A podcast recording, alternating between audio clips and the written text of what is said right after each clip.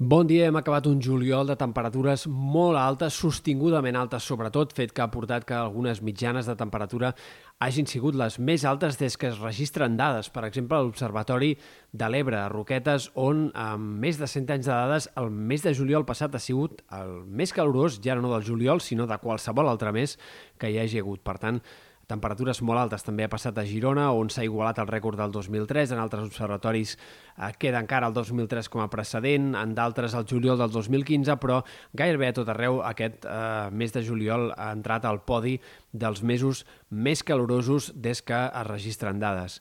I l'agost començarà amb valors encara molt alts. De fet, hem d'esperar pujada de les temperatures aquests pròxims dies i una nova situació de calor molt intensa i sostinguda, que sobretot es notarà a partir de dimecres i durant bona part de la segona part de la setmana.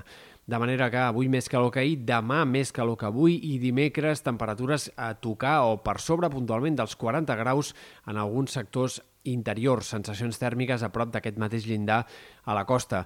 La mala notícia és que aquestes temperatures seran bastant sostingudes. Probablement dimecres sigui el dia de calor més forta ja tota la setmana, però dijous, divendres, dissabte, diumenge el termòmetre seguirà rondant al voltant dels 38 graus en comarques interiors. La calor seguirà sent molt intensa a la costa i per tant hem d'esperar que sostingudament tinguem temperatures molt més altes del que tocaria en aquesta primera setmana del mes d'agost. No serà segurament, això sí, l'onada de calor més forta d'aquest estiu, Uh, no hi haurà les temperatures més exageradament altes, però sí que cal esperar, insistim, que sigui un altre període de calor molt intensa i molt sostinguda. Pel que fa a l'estat del cel, eh, una mica més de calma en l'inici de la setmana després de les fortes tempestes d'ahir entre el Berguedà, eh, alguns punts de la Sagarra, també sectors d'Osona.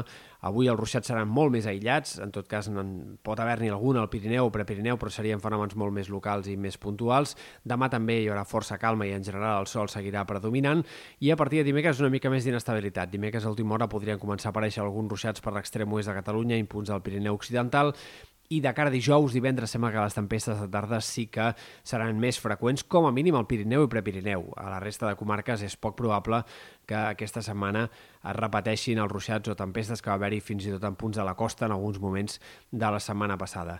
Situació marítima bastant tranquil·la, tot i que aquest inici de setmana encara s'intercalarà la tramuntana i el garbí a la Costa Brava, això pot provocar algunes àrees de marró en aquest sector, però la resta marejol o mar arrissada fins i tot i banderes verdes a les platges.